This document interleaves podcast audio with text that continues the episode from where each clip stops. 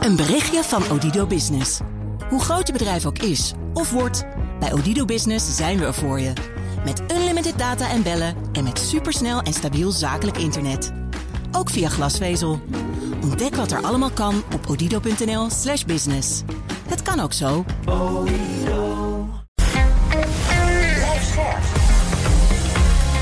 BNR Nieuwsradio. The Big Five. Paul van Liemt. Het is Oekraïne gelukt om verschillende gebieden te heroveren... en daarmee lijken de verhoudingen op het slagveld te kantelen. Hoe is het succes te verklaren en kunnen de Oekraïners dit volhouden? Rusland is inmiddels begonnen met vergeldingsacties... met aanvallen op Oekraïnse steden... wil Rusland laten zien nog altijd over slagkracht te beschikken. In welke fase is de oorlog terechtgekomen? Dat vraag ik aan vijf kopstukken in BNS Big Five... van de herovering van Oekraïne. En vandaag is bij me Frans Ozinga, hoogleraar oorlogsstudies... aan de Universiteit Leiden. En ook bekleedt hij de bijzondere leerstoel War Studies... van het Institute of Security and Global Affairs. Hij is hoogleraar aan de faculteit Militaire Wetenschappen... en generaal bij de Koninklijke Luchtmacht. Welkom. Goedemorgen. Ja, tegen zo iemand ga je geen je zeggen, maar ik ga toch wagen... want eh, ja, we hebben elkaar vaak gesproken. Exact, exact. Ja, gaan we weer. Voordat ik met je ga hebben over het eh, actuele oorlogsbeeld in, in Oekraïne... wil ik eerst twee dingen van je weten. Allereerst, het Oekraïnse leger blijft terrein winnen eh, van de Russen... maar er zijn ook veel Russische aanvallen op Oekraïnse steden. Zoals we steeds weer zien. Die herovering van Oekraïne, is die meer in zicht dan, dan afgelopen zomer? Als je het op beweegschaal legt, of is die juist verder weg? Ik ben wat optimistischer dan uh, juni, juli. Toen we die enorme bloedige strijd zagen in de Donbass-regio. Severodonetsk, Lysychansk en zo. Uh, dat was een hele moeilijke periode voor Oekraïne... waar ze ook uh, per dag ergens tussen 500 en 1000 slachtoffers moesten incasseren. Toen was het nog niet duidelijk of hun eigen mobilisatie... daadwerkelijk gestalte zou krijgen... en of zij op tijd ook westers materieel binnen zouden kunnen krijgen... wat ze ook zouden kunnen inzetten. Intussen is wat meer duidelijk geworden. Daar moeten we straks nog even over praten hoe dat dan plotseling kan. Maar in dat opzicht ben ik optimistischer of ze hun beloftes kunnen waarmaken die ze in juni deden van hey, in december hebben we het ongeveer eh, voor elkaar. Dat geloof ik niet. Ik denk dat we deze oorlog eh, door zullen zien gaan tot 2023. Ja, tenminste. Of er zijn mensen die zeggen: dit gaat zeker tien jaar duren. Kijk maar naar andere oorlogen. Kijk naar Syrië. Er zijn zoveel voorbeelden te noemen. En ook oorlogen waarvan we dachten dat ze kort zouden duren. Voormalig Joegoslavië, die veel langer vol duren. Maar je denkt, eh, dan kan het ook wel voorbij zijn zelfs. Dat niet per se. Uh, maar waar Zelensky niet op zit te wachten is een frozen conflict. Want dit conflict is al eigenlijk vanaf 2014 aan de gang. Ja. Dat was al een bevroren conflict met continue schermutselingen. Daar heeft Zelensky niks mee te winnen. Uh, aan de andere kant is het ook niet eenvoudig om ook die resterende gebieden in de Donbass en de Krim uiteindelijk te heroveren. Dus het gevaar bestaat erin inderdaad dat Rusland ervoor kiest om voor een frozen conflict neer te zetten. Om over een paar jaar, als de krijgsmacht van Rusland weer een beetje op sterkte is gebracht, uiteindelijk een unfinished business af te maken en weer door te stoten, althans een poging te doen naar, naar Kiev. Dus dat gevaar is er wel degelijk. Maar laat ik een beetje optimistisch blijven. Ook Rusland raakt uitgeput momenteel. Dan de tweede. Je bestudeert als hoogleraar oorlogsstudies aan de Universiteit Leiden... en ook aan die Nederlandse Defensieacademie al jarenlang de oorlog. Dus dat betekent dat je een behoorlijke fascinatie... ook als wetenschapper daarvoor hebt. Wat is die fascinatie precies? Omdat het zo weerzinwekkend is. En toch is het een onuitroeibaar verschijnsel in de menselijke geschiedenis. Uh, en ik ben ook al ben ik maar, wat is het, uh, bijna 60. Ik ben toch een kind van de Tweede Wereldoorlog. Mijn eerste zeer indrukwekkende belevenis was toen ik als zevenjarig jongetje op uh, de Grebbeberg het 25-jarige bevrijdingsfeest mocht meemaken en ook naar een museum ging. Uh, dat heeft een enorme indruk gemaakt. En sindsdien uh, heb ik heel veel militaire geschiedenis ge gelezen. En dat heeft ook mij uiteindelijk mijn motivatie uh, gevormd om met officier te worden en proberen een F-16-vlieger te worden. Ja, dat gaat ons ook allemaal helpen tijdens het interview. Deze kennis die is opgedaan, deze fascinatie. Vanochtend werd Kiev gebombardeerd met onbemande kamikaze-drones. En dan gaat het weer om, om de hoge interpretatiekunde. Is dat dan een nieuwe stap? En, en ook hoe gevaarlijk zijn die wapens? Uh, de wapens zijn gevaarlijk omdat ze ook niet altijd accuraat zijn. En dus komen de burgers uh, bij om. En het merkwaardige is dat deze, dit soort aanvallen... die vallen onder de categorie strategische aanvallen. Uh, ook het Westen heeft daar gebruik van gemaakt. Maar dan altijd in het begin van een oorlog. En dan probeer je gewoon vanaf het begin... de infrastructuur van je tegenstander uit te schakelen. De energiecentrales bijvoorbeeld. Maar ook de regeringsgebouwen, de communicatiemiddelen. de bruggen. En als je dat stelselmatig doet in de beginfase van de oorlog... dan maakt het een behoorlijke indruk, althans... Dat kan op het uh, vijandelijke leiderschap. In de fase waar de oorlog zich nu in bevindt, is het om twee redenen eigenlijk niet, niet, niet echt logisch. En ook, we kunnen ook niet verwachten dat hier al te veel uh, strategisch effect van uitgaat. Zelensky zal niet zo onder indruk hiervan zijn. Natuurlijk moet hij tegenmaatregelen nemen, maar dat lukt ook, want ongeveer 40% van die wapens worden uit de lucht geschoten. Maar intussen uh, lijkt het erop dat uh, Oekraïne daadwerkelijk successen boekt aan het front. En dat, dat maakt de strategische besluitvorming in Kiev al heel anders. Een tweede is, um, er bestaan grote vermoedens dat het voortzettingsvermogen van Rusland om dit soort strategische aanvallen op grote afstand van het front langdurig vol te houden, dat dat voortzettingsvermogen echt al gereduceerd is. Het vermoeden bestaat dat Rusland nu nog ongeveer 600 uh, uh, kruisraketten heeft en lange afstandsraketten. ja, als je dagelijks 50 tot 60 van deze luchtaanvallen plaats, uh, plaatsvinden, dan ben je snel door je voorraad heen. En ook dat perspectief net Zelensky mee in zijn overwegingen. Was dit allemaal in het begin gebeurd? dan was hij geconfronteerd met een waanzinnige schade, hele hoge kosten, waanzinnig menselijk leed in de eerste paar dagen van een oorlog. Het veronderstelt wel dat je luchtoverwicht uh, verovert. Nou, ook dat is niet gebeurd. Daarom is dat dat in deze fase gebeurt, is eigenlijk niet zoveel zeggend meer. Nou ja, je zou bijna zeggen, in zekere zin geruststellend. Maar geldt het ook voor de Starlink-satellieten van Elon Musk? Want daar is ook veel over te doen geweest, met name dit weekend... dat zo'n bedrijf zich ook bemoeit met zo'n cruciale oorlog. Wat kun je daarover zeggen? We zagen, uh, was dat, uh, mei, april, juni... een heel interessant artikel in Foreign Affairs... die ook zegt dat dit soort, de big tech companies... Ja. die moeten we steeds minder gaan beschouwen... gewoon als, als commerciële firma's. Ze beginnen machtsfactoren op zich te worden. En dat zien we hier ook met, met Elon Musk... die wel of niet doorgaat met het ondersteunen van Oekraïne met de Starlinks. Nou, en als we dat vinden, wat voor conclusie moeten we eraan verbinden? Moeten we dan uh, zeggen dat, dat we ingrijpen in de vrije markt bijvoorbeeld? In dit geval moet je misschien zeggen dat uh, daar waar een, iemand als de, de, club als Microsoft, de, Googles, uh, de Anonymous, maar ook iemand als Elon Musk in het begin van de oorlog zegt van hé, hey, we gaan Oekraïne helpen. En initieel daar geen financiële vergoeding tegenover stelt, dat je op een gegeven moment zegt van luister, oké, dat is een fantastische, lovenswaardig initiatief wat je genomen hebt. Maar we kunnen ook wel begrijpen dat commerciële belangen op een gegeven moment overhand begint te, te, te vormen. Dan wel dat zo'n bedrijf benaderd wordt door de aandeelhouders of door een land als China of Rusland. En dat hun eigen besluitvorming in het bedrijf beïnvloed wordt. En dat je dat wil tegengaan, dan, moet zeggen van oké, dan gaan we een, gewoon een financieel een contract met zo'n bedrijf afsluiten, zodat we gegarandeerd zijn voor een voortdurende steun. Speelde dit weekend nog iets. Oekraïne wilde MH7 die verdachte Gierkin, Igor Gierkin, berichten... loofde beloning uit van 100.000 dollar voor de overdracht. Volgens Oekraïnse media is hij momenteel eh, aan het front. Eh, wat te denken van zo'n bericht? Ja, ik vind dat een randverschijnsel. Kijk, voor het hele dossier MH17 kan het een cruciale wending zijn. En zeker voor de nabestaanden van de mensen, van de slachtoffers van de MH17 is het natuurlijk een hele interessante ontwikkeling. Maar voor het verloop van de oorlog is dat eigenlijk een, een, een neven, een randverschijnsel. Laten we kijken naar de hoofdverschijnselen, namelijk eh, de voortdurende discussie over eh, de kernwapendreiging. Er wordt altijd teruggegrepen naar de jaren 80. Het was een andere situatie, uiteraard dan nu. Maar uh, het lijkt alsof escalatie plaatsvindt. Althans, als je met het glas half leeg kijkt. Glas half vol wordt er wat anders tegen aangekeken. Jij zegt je bent van de positieve, optimistische school. Maar ook als het hierover gaat? Nou optimistisch wil ik niet zeggen. Maar uh, kijk, het feit dat mensen als Medvedev, maar ook Poetin of Kadyrov, de Tsjechische leider redelijk willekeurig en nonchalant de nucleaire retoriek hanteren om daarmee dreigingen te uiten, vind ik een hele zorgwekkende ontwikkeling. we moeten oppassen dat het niet heel normaal weer begonnen, uh, gevonden wordt dat je op die manier praat over nucleaire dreigingen. Want voor de andere kant doet het toch ook. Uh, NAVO-baas Stoltenberg bijvoorbeeld, EU-buitenlandchef Jozef Borrell, die verschillende dingen zeggen over dat het voor Rusland ernstige gevolgen zal hebben als ze maar iets doen. Ja, maar dat is een reactie op. We hebben Poetin uh, in het begin van deze oorlog, februari en maart, ook het nucleaire retoriek zien hanteren om daarmee het Westen te intimideren en ervoor te zorgen dat het Westen geen militaire steun zou leveren.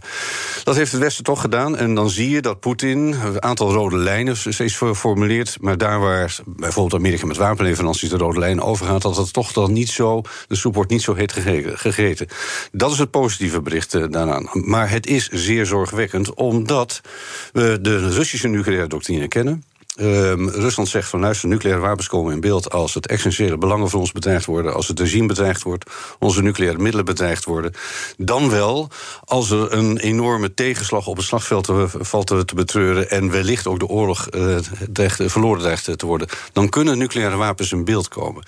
Tot nu toe, en dat is het optimistische, ziet het eruit dat Poetin zijn eigen doctrine hanteert Aan de andere kant zie je dat Poetin ook aan de rechterkant, dus een uh, ultranationalisten, dat daar geroepen wordt om nucleaire escalatie. Uh, niet dat hij daar meteen naar luistert, maar daar zit wel een, een druk achter waar, waar, die, waar die naar kijkt. En waar ja, het gaat er wel om of hij bestand dus even tegen de Exact, hij kan dat niet helemaal negeren. En daar waar uh, op het slagveld lijkt dat de frontlinies echt ja, voortdurend aan het verschuiven zijn in het voordeel van Oekraïne, vrezen mensen dat dan de inzet naderbij komt. Nou, wat je dan. En dat, dat verklaart ook de reactie van Stoltenberg, de reactie van, van Biden, zegt: doe dat niet. Waarbij overigens in het midden wordt gelaten hoe er door het Westen zal uh, worden gereageerd. Um, maar daarachter zit ook nog de vraag: van oké, als dan Poetin daadwerkelijk het besluit neemt om dat wel te doen, en dat Echt, daar moet je niet aan denken. Dan is de vraag van welke nucleaire wapens zijn dat? Zijn het strategische nucleaire wapens of zijn dat niet-strategische nucleaire wapens? Niet-strategische nucleaire wapens zijn wapens met een relatief klein kaliber. Eén wapen kan bijvoorbeeld een vliegveld uitschakelen. Dat is alsnog verschrikkelijk natuurlijk. En leg het op een, op een stad neer, dan praat je over duizenden doden. Eh, maar dat is niet hetzelfde als zo'n enorm intercontinentale raket waarmee Amerika of Europa bedreigd wordt. Dan praat je over het beïnvloeden van het front, uh, dan wel het beïnvloeden van de besluitvorming van, van, Kiev. Maar daar moeten best wel veel stappen ingezet worden. Ten eerste moet Poetin het besluit nemen en dan moeten de codes uiteindelijk ontsleuteld worden. de code die ligt in handen van, van Poetin zelf, van de minister van Defensie, Shogun, en van de, de opperbevelhebber Gerasimov. En dan gaat er, als het goed is, een hele trein in beweging komen tot en met de laagste commandanten die moeten besluiten om de kernkoppen op de wapendragers te plaatsen, onder een vliegtuig te plaatsen. En dan moet het vliegtuig uiteindelijk ook. Er gaat gelukkig nog een heel proces aan vooraf. Een heel, precies. The Big Five. Paul van Liemt. Mijn gast is Frans Ozinga, hoogleraar oorlogsstudies aan de Universiteit Leiden. Toch is het interessant om nog even naar die kernwapendiscussie uh, te gaan. Want uh, we willen natuurlijk ook weten hoe dat. Als als je hoogleraar oorlogsstudies bent, dan kijk je ook naar de geschiedenis. En ook al is dat nooit één op één niets met elkaar vergelijkbaar, maar toch kun je daar natuurlijk wel lessen uit trekken. Bijvoorbeeld het begin van, van het. Ook al zijn het strategische kernwapens die alleen maar tussen aanhalingstekens een vliegveld uitschakelen. Dan geef je daar wel aan toe als tegenstander. Als je geen, niet met een reactie komt. Als je dat toelaat, dan, dan ben je namelijk al een hele belangrijke grens overschreden, of niet? Nou, dat, dat is het grote dilemma waar het Westen en ook uh, Oekraïne voor zitten natuurlijk. Uh, enerzijds uh, wil je deze, moet, je, moet je deze neiging heel serieus nemen, maar je moet je ook niet laten gijzelen uh, voor de angst voor escalatie. En dat is voorafgaand aan deze oorlog deels wel gebeurd. Daar heeft het Westen bijvoorbeeld gezegd van luister, Oekraïne is geen NAVO-lid, Rusland heeft kernwapens, we zijn energieafhankelijk. Uh, we zijn bang voor escalatie. En daar heeft Poetin het Westen mee gemanipuleerd. En dat heeft hij voortdurend ook de afgelopen acht maanden getracht. Als je aangeeft dat je banger bent voor escalatie in je tegenstander, gaat hij daarmee gijzelen. Nou, dat is wel het dilemma. Eh, tegelijkertijd wil niemand natuurlijk in het Westen uiteindelijk die grenzen overgaan dat er daadwerkelijk een nucleair conflict komt. Uh, vandaar ook dat je westerse leiders voortdurend probeert, ziet proberen om die angel daaruit te halen. Maar ook te dreigen van luister, Poetin, het is ook niet in jouw belang om daadwerkelijk die norm te, te overschrijden. Uh, maar dit is gewoon een dilemma. Daar is niet momenteel geen goed antwoord uh, op. Uh, we hebben hier in het Kremlin iemand zitten die desnoods met nucleaire dreiging bereid is om de grenzen in Europa te hertrekken. daar waar we in de Koude Oorlog een redline hadden tussen, een hotline hadden tussen het Witte Huis en het Kremlin, is die hotline weg. We hadden wapenbeheersingsbesprekingen, die zijn allemaal weg. Dus het is een veel instabieler periode dan we hadden in de, in de Koude Oorlog toen. Nou ja, het enige wat we weten is in ieder geval dat atoomwapens maar één keer gebruikt zijn. Dat was inderdaad in 1945, uh, uh, Amerika op Japan. Maar dat was ook de tijd dat Amerika, uh, laten we zeggen, de enige speler als de monopolist was. En dat is sinds die tijd veranderd. Ja. Sinds die tijd is op dat gebied nooit iets gebeurd. En nooit is iets geruststellend. Rationaliteit, uh, daar kunnen we hier ook nog vijf uitzendingen over vervullen over dat begrip. Maar normaal gesproken, als hoogleraar oorlogsstudie zou je kunnen zeggen dat is een grens die niemand overgaat, omdat het voor beide partijen altijd negatief uitpakt, of niet? Het pakt voor beide partijen negatief uit. Uh, maar dat was de periode van de Koude Oorlog. Daar waar de partijen direct tegenover elkaar stonden. Beide partijen hadden daar een belang bij het handhaven van het status quo, het equilibrium. Hier is het natuurlijk iets anders. Hier praten we over een regionaal conflict. waarvan over het algemeen de Russische doctrine zegt: van luister, daar zetten we geen nucleaire wapens in. Maar het is niet een NAVO-land. En dus zijn de belangen die op spel zijn voor Europa van Amerika iets anders dan als het wel een NAVO-lid was. Nou, en dan zie je bijvoorbeeld een Macron die vorige week zei: wij willen geen nucleaire oorlog. En eigenlijk zeggen wij als Frankrijk, we zetten pas nucleaire wapens in als directe Franse belangen bedreigd worden. Met andere woorden, hij suggereert daarmee dat wat in Oekraïne gebeurt niet in zijn belang is. Een hele merkwaardige uiting ja. waar hij ook behoorlijk op bekritiseerd is. Ja, is, dat, is dat een soort naïviteit van een politiek leider die op dit terrein gewoon wat minder onderlegd is? En, en, of misschien het hoofd niet, niet cool genoeg houdt? Hij had waarschijnlijk gewoon niet in moeten gaan op die vraag. Dat is hem ook tegengeworpen door mensen als François Huisboek. Die zegt van luister, in het verleden zou een Franse president nooit ingaan zijn op die vraag. Die had gewoon gezegd van luister, dat laat ik in het midden. Want dat was ook altijd en nog steeds de westerse strategie. We geven geen duidelijkheid aan iemand als Poetin over wat dan onze westerse antwoord zou zijn. Want zodra je duidelijk maakt van luister, als je dit doet met nucleaire wapens, dan is dit onze reactie. Dan maak je strategische besluitvorming best wel overzichtelijk. Dan kan hij zeggen van oké, als dat de kosten zijn, prima, die incasseer ik. Maar daarmee kan ik wel uiteindelijk wellicht met een serie van niet-strategische nucleaire wapens. een enorme doorbraak op het, op het front uh, Geldt overigens ook voor de reacties van mensen als Stoltenberg en Biden natuurlijk. Uh, ja, dat maar die, vanaf hoe die, die reageren. Die laten dat voortdurend in het midden die zeggen van luister, er komen consequenties. We zijn bezig met na te denken over opties. Maar we geven geen duidelijkheid hoe dat is. Is het niet naïef dan van Macron? Want hij kan begrijpen, en als er communicatiemedewerkers om hem heen... ook dat hij niet alleen dat hij daarmee weg kan komen... maar dat iedereen dat ook begrijpt, dat hij zo zou reageren. Ja, deels heeft hij, en dat is ter verdediging van hem... deels vertelt, hij gewoon iets datgene wat namelijk in de Franse doctrine staat. Luister, als we nucleaire wapens inzetten... is dat alleen maar als er Franse belangen op het spel staan. Dus hij zegt niet nieuws. Alleen dat wil je in de huidige context helemaal niet zo duidelijk zeggen. Je wil dus in, in samenspraak met je, je, je partners, je bondgenoten, een gemeenschappelijke strategie communiceren. En dat is er eentje van ambiguïteit. Gewoon in het ongewisse laten. Niet duidelijk maken aan je tegenstander wat precies de consequenties zijn. Want dan gaat hij uiteindelijk een hele mooie af berekening maken. Als we kijken naar de militaire strategie, die heel belangrijk is van Oekraïne op dit moment. Die maakt een soort uh, recap. Je kijkt vanaf uh, februari wat er tot nu gebeurd is. Uh, wat, wat kun je dan zeggen over de militaire strategie van Oekraïne?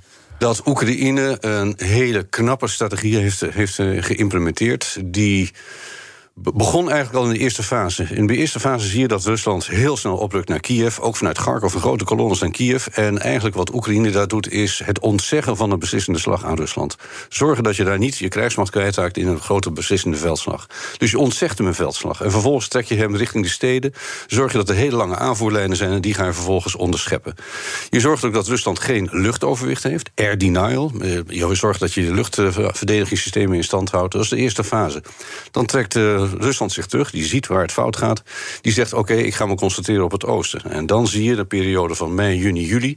dat Oekraïne een hele moeilijke fase ingaat. Dat ze zeggen: Oké, we houden stand in de Donbass. Daar gaan we het offensief frustreren van Rusland. We kopen tijd, we hebben de mobilisatie ingezet. We krijgen westers materieel, dat we leren ermee omgaan. We krijgen artilleriesystemen, die lange afstandsraketsystemen krijgen we ook. En maar we accepteren dat we 500 tot 1000 doden uh, moeten incasseren rond Severodonetsk en uh, Dat is de periode van juni, juli. Een hele moeilijke. Maar daar zegt ook Zelensky meteen... luister, augustus, september komt er een tegenoffensief. En we gaan ons focussen op het zuiden. En daar begint een heel mooi een strategisch spel waarbij Rusland geconfronteerd wordt met een strategisch dilemma. Want de Oekraïne zegt: we gaan ons concentreren op, uh, op Gerson, het zuiden. Dat is een van de weinige steden die Rusland toch daadwerkelijk in handen heeft. Het is een belangrijke stad, een havenstad. Dat weet Poetin, dat weet Zelensky. Dus Poetin zegt: van wacht even, die moet ik verdedigen. Dat is ook de doorgang van, van de Krim uiteindelijk naar de, naar de Donbass-regio. Dus die moet hij in de handen hebben. Dan moet hij wel verdedigen. En intussen heeft Rusland ongeveer 60.000 man verloren. Dus die moet echt prioriteiten gaan stellen. Um, vervolgens zie je dat Oekraïne daadwerkelijk aanvallen met raketten en artillerie en luchtaanvallen uitvoert op Gerson. En daarmee suggereert je Zelensky ook van kijk eens even, ik heb gezegd dat daar een tegenaanval plaatsvindt, dus daar gaat het ook gebeuren. En dan zie je dat Rusland 20.000 tot 30.000 man uit de Donbass en Kharkov-regio naar de, de Gerson eh, toebrengt, waardoor Kharkov min of meer nou ja, eigenlijk heel licht verdedigd wordt. En daar zie je vervolgens de eerste tegenaanval in september plaatsvinden van Oekraïne. Wat, wat Rusland enorm verrast heeft. Um, en dat hebben ze pas gedaan toen duidelijk was dat die Russische troepen gecommitteerd waren aan de verdediging in Gerson. En vervolgens zie je toen eenmaal de bruggen rond Gerson uitgeschakeld waren, toen luchtoverwicht min of meer herover was boven de Gerson, dan zie je dan pas het echte grondoffensief beginnen rond Gerson. Daar zie je nu de frontlijn langzaam verschuiven. Um, en dan zie je dat Gerson, het garnizoen van Gerson, eigenlijk geïsoleerd is van de. En daardoor doordachte militaire strategie die goed uitpakt ook exact. van Oekraïne. Maar uh, we gaan nu wel een, sowieso een heel koude winter tegemoet. En wat, wat is dan de strategie die, die denkbaar is? Um, doorgaan met dat dilemma-spel. Van oké, Rusland dwingen prioriteiten te stellen. Van doe je dat uh, rond Gerson of doe je dat bij Kharkov? Um, in de noordelijke regio, daar bij Kharkov, als je daar niet gaat verdedigen, dan staat ook de Donbass plotseling op het spel. Dan staan ook de provincies op het spel van Rusland, die ze voor 24 februari hadden. Ook Rusland heeft dus grote problemen momenteel om voldoende troepen en materieel die kant op uh, te, te, brengen. En moet dus prioriteiten neerzetten. Um, en de logistieke lijnen zijn echt groot. Je praat over een front wat, nou even voor de beeldvorming, van Berlijn tot Marseille. Zo groot is het front. Je kunt niet overal even sterk zijn, dus je moet accepteren dat je zwakke plekken hebt. Um, dat is een spel waar Oekraïne mee doorgaat. Ook rond Gerson is een front van 200 kilometer. Ook daar speel je met dat spel van, waar, uh, van het dilemma. Waar ga je verdedigen? Waar druk je op het front als, als, uh, met je Oekraïnse eenheden? En suggereer aan Rusland van luister, daar komt de hoofdaanval, terwijl die eigenlijk ergens anders plaatsvindt. Dus misleiding maak je gebruik van. Uh, voortdurende raketbeschietingen op commando's Centraal op munitiedepots. Al meer dan 400 van die lange afstandsraketten, de HIMARS, zijn afgevuurd op dat soort uh, stellingen. Dus daar, daar gaat het door. Maar inderdaad, de tijd begint te dingen. Morgen is Rob de Wijk de gast, defensiespecialist van het Den Haag Centrum voor Strategische Studies. Abonneer je op onze podcast via je favoriete podcastkanaal om geen aflevering te missen. Straks ga ik verder met Frans Ozinga, hoogleraar oorlogsstudies aan de Universiteit Leiden. En dan gaat het over aanvallen op energievoorzieningen in Europa. Blijf laat. Een berichtje van Odido Business. Hoe groot je bedrijf ook is of wordt, bij Odido Business zijn we er voor je. Met unlimited data en bellen en met supersnel en stabiel zakelijk internet. Ook via glasvezel. Ontdek wat er allemaal kan op odido.nl/slash business. Het kan ook zo. Nieuw 10 is ook duidelijk voor pizzabakkers. Je vraagt lekker snel een zakelijke lening aan. Net zo snel als dat ik mijn pizza's bezorg. Duidelijk voor ondernemers. Nieuw 10. Je doelen dichterbij. Een initiatief van ABN AMRO.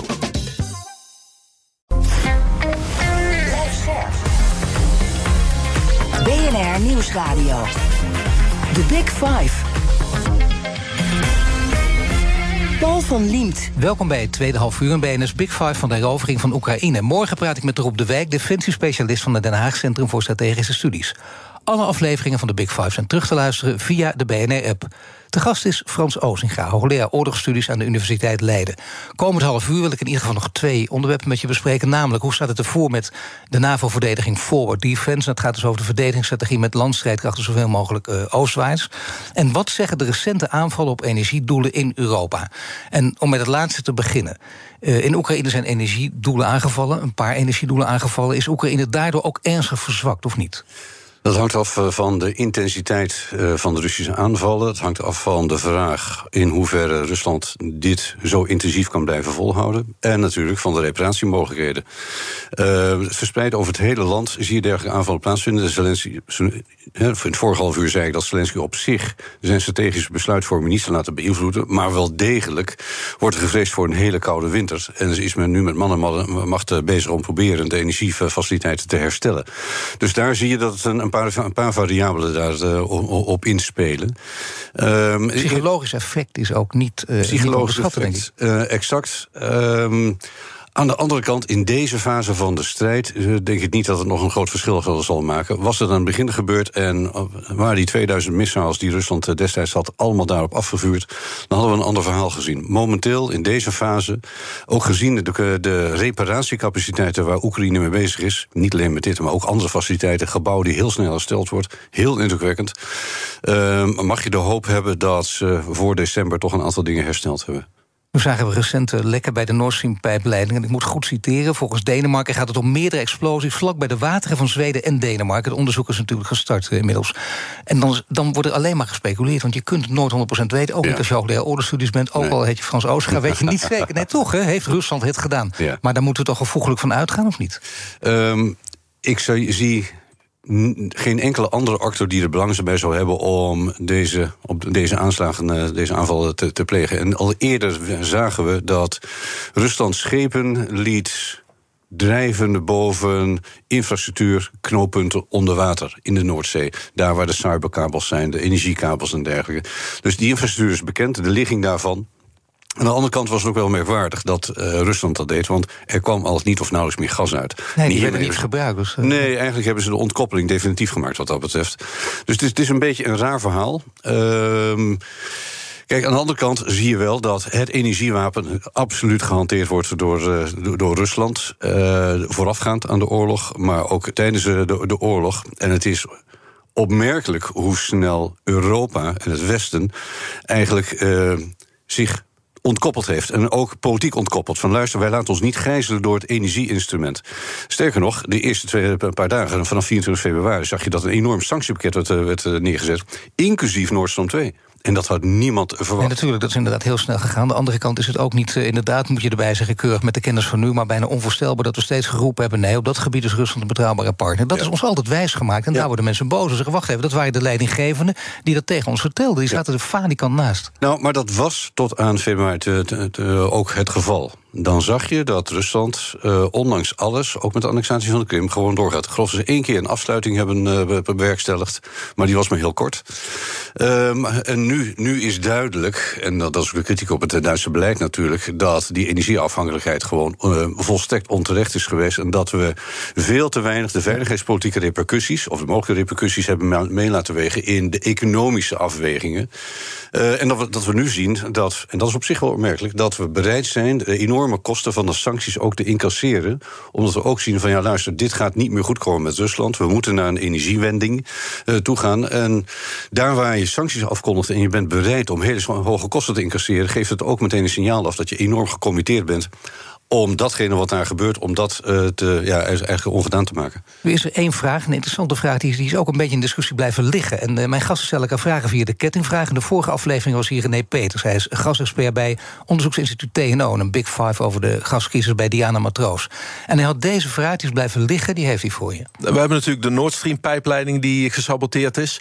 Die werd ooit aangelegd uh, om eigenlijk Oekraïne te omzeilen... in de gaslevering van Rusland naar Europa. En eigenlijk dus als een geopolitiek instrument vanuit Rusland om Oekraïne onder druk te zetten. Uh, eigenlijk heel strategisch, uh, waar, waar dus eigenlijk energielevering wordt gebruikt als een geostrategisch uh, instrument. En eigenlijk heb ik nog weinig gehoord over hoe vanuit Oekraïne nou wordt gekeken naar het opblazen van die Nord Stream. Wat betekent dat nou strategisch voor Oekraïne? Dus ik ben benieuwd hoe Frans daar tegenaan kijkt. Ja, dat is een hele goede vraag. Hè? Zeker als je weet ja. hoe die is aangelegd en waarom. Ja, het zou suggereren dat uh, Kiev uh, het eigenlijk wel prima vindt dat Nord Stream 1 en 2 zijn geblokkeerd. Want dat zou betekenen dat inderdaad uh, Europa direct gekoppeld wordt aan, aan, Kiev. Maar ik denk dat Kiev momenteel iets andere zorg aan zijn hoofd heeft. het is wel zo dat Rusland hiermee Oekraïne verder in de boezem van Europa drukt. Want momenteel al zie je dat Oekraïne ook elektriciteit levert. Uh, aan, aan Europa, aan diverse Europese landen. Dus uh, ik begrijp vanuit. Ik, ik begrijp de vraag. Uh, maar ik denk niet dat dit momenteel een grote rol speelt in de, de overwegingen van, van Zelensky. Het is wel zo dat vanuit het Westen dat we ons steeds minder afhankelijk maken, überhaupt van gas en olie uit Rusland. De, maar dus ook vanuit Oekraïne. Maar ik denk dat een veel groter bericht hier is dat Rusland steeds meer geïsoleerd wordt dat de interdependentie, die, al de, de, de, de, banden die er bestonden op vele gebied met Europa en die afhankelijkheidsrelaties, dat die allemaal doorsneden worden. Um, en dat Rusland steeds meer een paria dreigt te, te worden. Uh, en je ziet nu ook dat uh, wij naar alternatieven gaan, hè, vloeibaar gas bijvoorbeeld. Binnen no time zag je, zag je in Delfshaven daar, zag je uh, ja. de vloeibaar gasinstallaties naar voren komen. is die leiding vanuit Noorwegen naar Duitsland er gekomen, die onderzeese leiding. Dus er wordt heel snel naar alternatieven gezocht.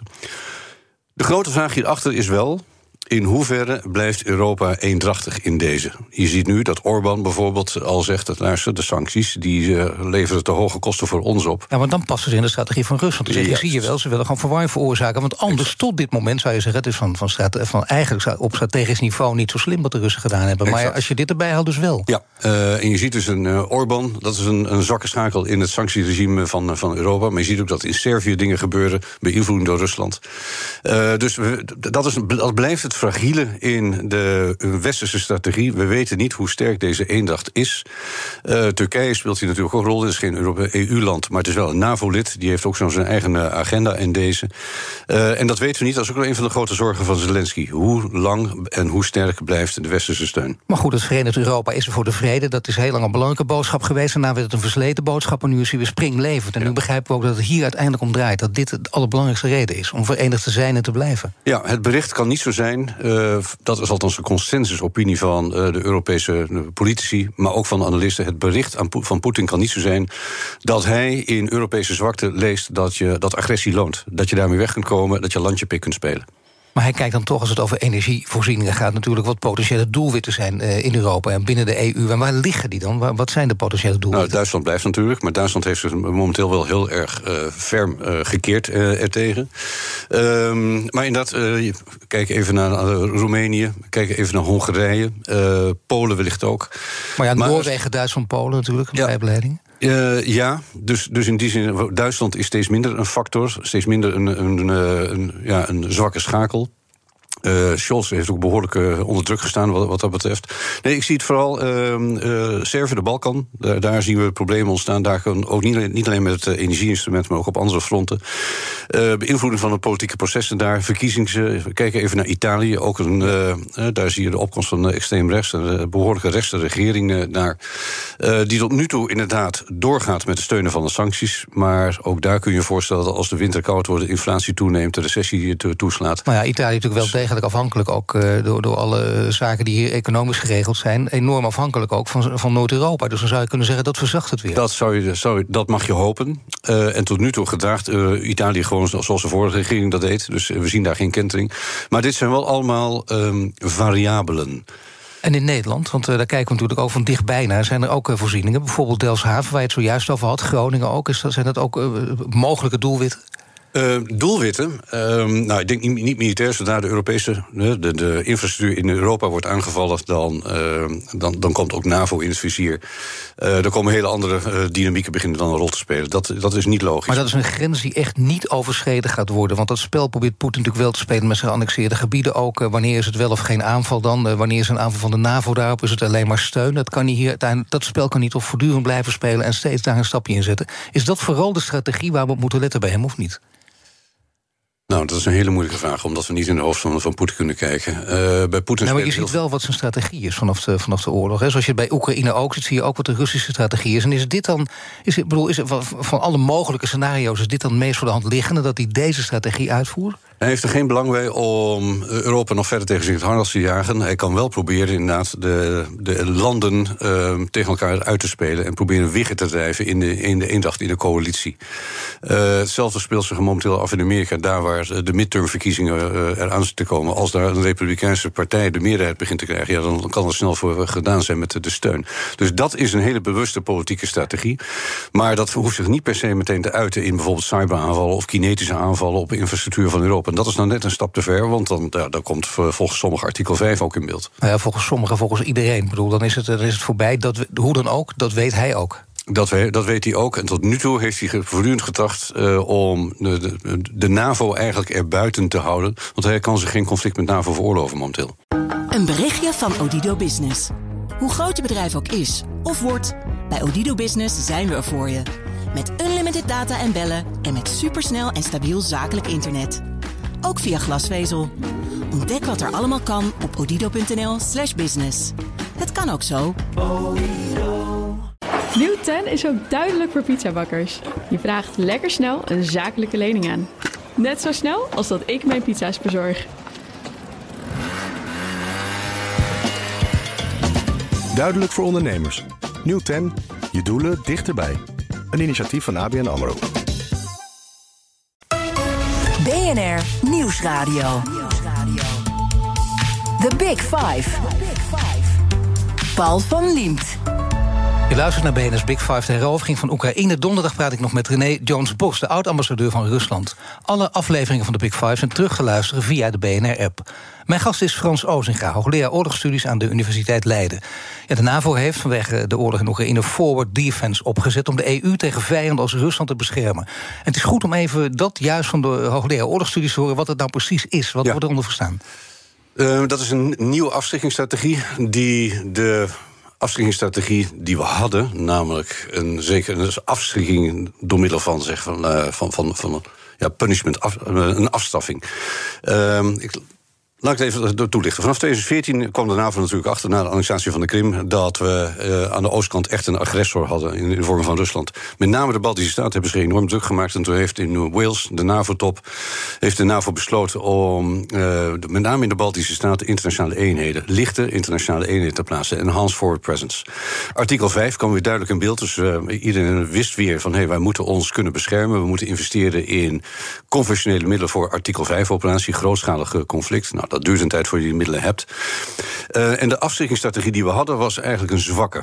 Uh, want we zeiden tegen Rusland van luister, kijk eens even, daar ligt de grens. Kom er niet overheen, maar we kunnen je eigenlijk niet tegenhouden. We hebben daar een tripwire, een struikeldraad eenheden. Zodat als je één van die landen aanvalt, dan, dan val je ons allemaal aan. Uh, maar het zijn lichte eenheden. Um, die, kunnen we, ja, die kunnen jou niet tegenhouden. Maar je gaat wel een gigantische klap op je kop krijgen. Dat geeft hoofdpijn, dat kost ontzettend veel, dus doe het niet. Maar lichte eenheden voor de duidelijkheid, voor het begrip ook, betekent het eh, in feite eenheden waar Rusland makkelijk doorheen kan breken? Eigenlijk wel. En de Baltische Staten hebben natuurlijk geen, uh, niet die diepte die Oekraïne bijvoorbeeld wel heeft. Dus de Baltische Staten vonden dat een zwakke vorm van, uh, van afschrikking. Te meer omdat je daar bij Kaliningrad, die Russische enclave daar bij de Baltische Staten, ja. was volgeplaatst met allemaal luchtverdedigingssystemen door Rusland, met lange afstandsraketten. Dus we hadden ook niet het luchtruim, dat beheersten we daarboven niet. Met andere woorden, die hele dunne lijn van troepen konden we ook niet goed beschermen. Dus dat was niet echt een geloofwaardige afschrikkingsstrategie. Nou, vanaf 24 februari zie je dat de Baltische Staten al heel snel zeggen van jongens, zullen wij onze afschrikkingsstrategie gaan eh, herzien? Nou, dat is een forward defense gaan heten. In deze zomer heeft de NAVO een nieuwe veiligheidsstrategie afgekondigd, waar dat ook staat. Daarin wordt geformuleerd dat we naar een nieuwe strategie gaan waar we veel meer dan voorheen grotere eenheden permanent positioneren langs de oostgrens. Maar we gaan ook raketverdedigingsmiddelen daar plaatsen, luchtverdedigingsmiddelen. Op permanent gaan we daar veel meer eh, vliegtuigen laten patrouilleren, zodat het duidelijk is dat je krijgt niet alleen een klap op je kop, maar je kunt de grens niet eens overkomen, want wij gaan ons verdedigen. De kans dat je succes bereikt is nihil. En dat is een veel geloofwaardigere. Maar dat betekent wel dat uh, die 2% waar we vanaf Wales uh, mee bezig zijn, dat uh, in, uh, defensie-inspanningen moet verhoogd worden en 2% van bruto nationaal product. Nee, maar daar gaat het over. Die investeringen ja. moeten omhoog. Dat roepen we al heel erg lang. Daar werden we door, door, Trump ook behoorlijk door verschut gezet natuurlijk. Dat moment herinnert iedereen natuurlijk, met al die regeringsleiders bij elkaar. Maar zit daar een beetje schot in? Um, Want Joe dat... Biden denkt nog steeds, en zeker met die midterms die eraan komen... kijk eens even, wij moeten heel veel doen, jullie doen weinig... om het even zwart-wit nou, neer te zetten. Inderdaad, het, het burden sharing, het, het een beetje eerlijk verdelen... van de, van de last van de verdediging van, van Europa... Uh, die was helemaal scheef gegroeid natuurlijk. En uh, niet alleen Trump, maar ook daarvoor Obama en ook Clinton zei het al... en Bush zei het al, dus niks nieuws. En vanaf 2014 zijn verschillende landen al behoorlijk daarmee bezig geweest. Als wij het in Nederland bereiken, is dat 2024. Dat is een decennium na de annexatie van de Krim. Dus men, men spreekt ook best wel een beetje over strategische inertie. Maar die 2% ja. is een reflectie van de annexatie van de Krim. Daarin zit nog niet verdisconteerd de mogelijke kosten die samenhangen met deze nieuwe veiligheidsstrategie, nieuwe afschrikkingsstrategie, die waarschijnlijk investeringen vereisen ook in NAVO-infrastructuur, commandocentra, het, vooruit, het voor in, in het voorterrein plaatsen van munitievoorraden. Dus daar komt nog veel bij kijken. En wij zijn ook nog lang niet bij de aantallen moderne wapensystemen die je ervoor nodig hebt. Want dan zijn we ook nog wapensystemen aan het leveren aan Oekraïne. Nog lang niet. Dat is een, een periode van, van dan kun je zeggen dat is een periode van 20 jaar. Dat nou, is te ver weg. Maar kan het allemaal binnen vier dat, jaar? Dat, vier, vijf, zes, zeven jaar. Uh, kijk, we waren al bezig, bijvoorbeeld in Nederland, met het, uh, het aanschaffen van de F-35's. Uh, Finland heeft nu ook 65 F-35's besteld. Dus verschillende landen waren al bezig met die moderniseringsslag aan, aan het maken. Dus de hoop is nu van verschillende landen op strategisch niveau dat door wat in Oekraïne gebeurt, dat de rest van Europa even de tijd heeft om orde op zaken te stellen. Want ook Rusland heeft een waanzinnige uh, schade moeten incasseren. Onvoorstelbaar grote verliezen. Ergens tussen 60, en 90.000 uh, man verloren. Een paar duizend tanks en panzerwagens. Dus die kan momenteel ook niet plotseling ergens op een ander front uh, agressief worden jegens, uh, jegens de NAVO. Misschien een goed moment om een paar scenario's te, te, te gaan bekijken. Een paar mogelijke scenario's over het verdere verloop van deze oorlog. En ja. een van de veel gehoorde is nog steeds de hoop op de koep van binnenuit. De Havikken, ja. Poetin, anderen, wie wil hem verslaan? Uh, misschien wordt hij zelf wel vermoord. Wat gebeurt er allemaal op dat gebied? We hebben daar geen idee van. Zou je dat eigenlijk als expert moeten zeggen? Of heb je toch het idee nee, hoor, wel ik, welke kant ik, ik, ik beken dat meteen. Uh, geen idee. Het enige wat we lezen is uit de open bronnen. En dan zie je dat Poetin onder druk staat vanuit de ultranationalisten uh, om verder te escaleren. Andere mensen zeggen van luister, Poetin heeft die druk helemaal niet nodig. Dat wil hij zelf ook al, maar hij gebruikt die ultranationalisten om zich daarachter een beetje te verschuilen. Uh, dus. Er zijn wel indicaties dat er een strijd aan de gang is. Je ziet dat sommige mensen gearresteerd worden. Dat uh, sommige directeuren van de geheime dienst gearresteerd waren. die verantwoordelijk waren voor het echec van de eerste fase van de oorlog. Maar we hebben daar veel te weinig inzage in. De Wagner-directeur heb je. Die is uh, geen vriendje weer met, uh, met de minister van Defensie.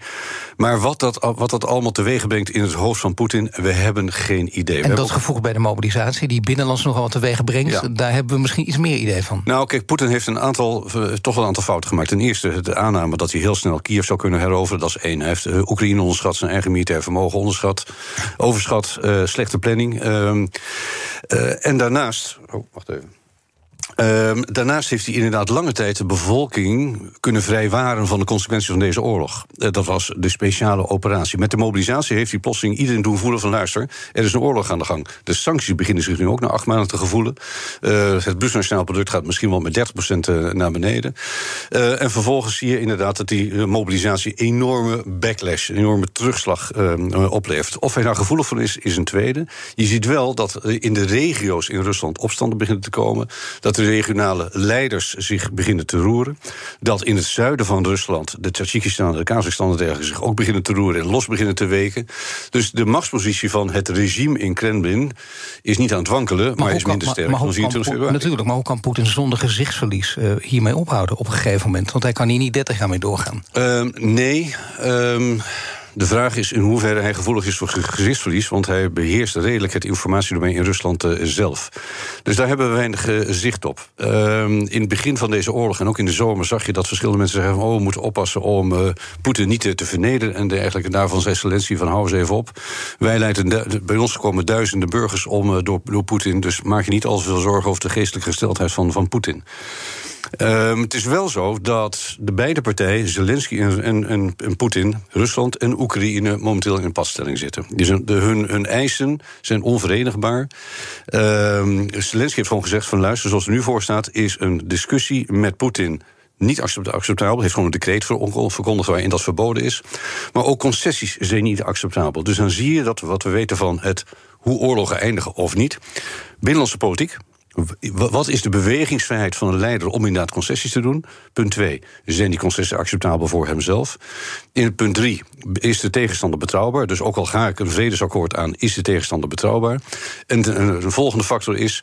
Hoe sterk, hoe sterk ben ik zelf nog? Maar ook wat weet ik van de strijdmachten van de tegenstander? Dat zijn heel veel vragen. En dan mag je tot slot nog één vraag stellen. En die vraag stellen mij gasten altijd via de kettingvraag aan elkaar. Een korte, bondige vraag mag je stellen aan Rob de Wijk, mijn volgende gast. Hij is defensiespecialist van het Den Haag Centrum voor Strategische Studies en oprichter. Wat zou hem willen vragen?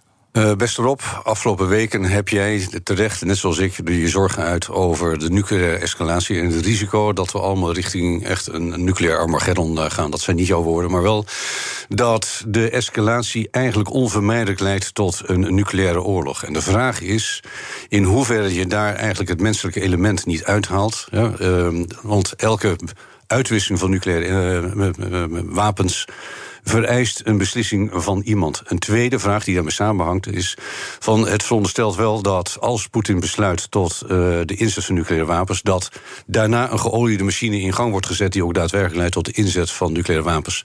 Is die aanname wel terecht? Gaat dat wel zo geolied? Of kunnen we daar frictie zien, zoals Clausewitz het zei? Ik dank je, Frans Ozinga. Alle afleveringen van BNS Big Five zijn terug te luisteren. Abonneer je op onze podcast via onze app of je favoriete podcastkanaal... om geen aflevering te missen. En nu Iwan van Rips met BNN Breed. Dag. Een berichtje van Odido Business. Hoe groot je bedrijf ook is of wordt... bij Odido Business zijn we er voor je.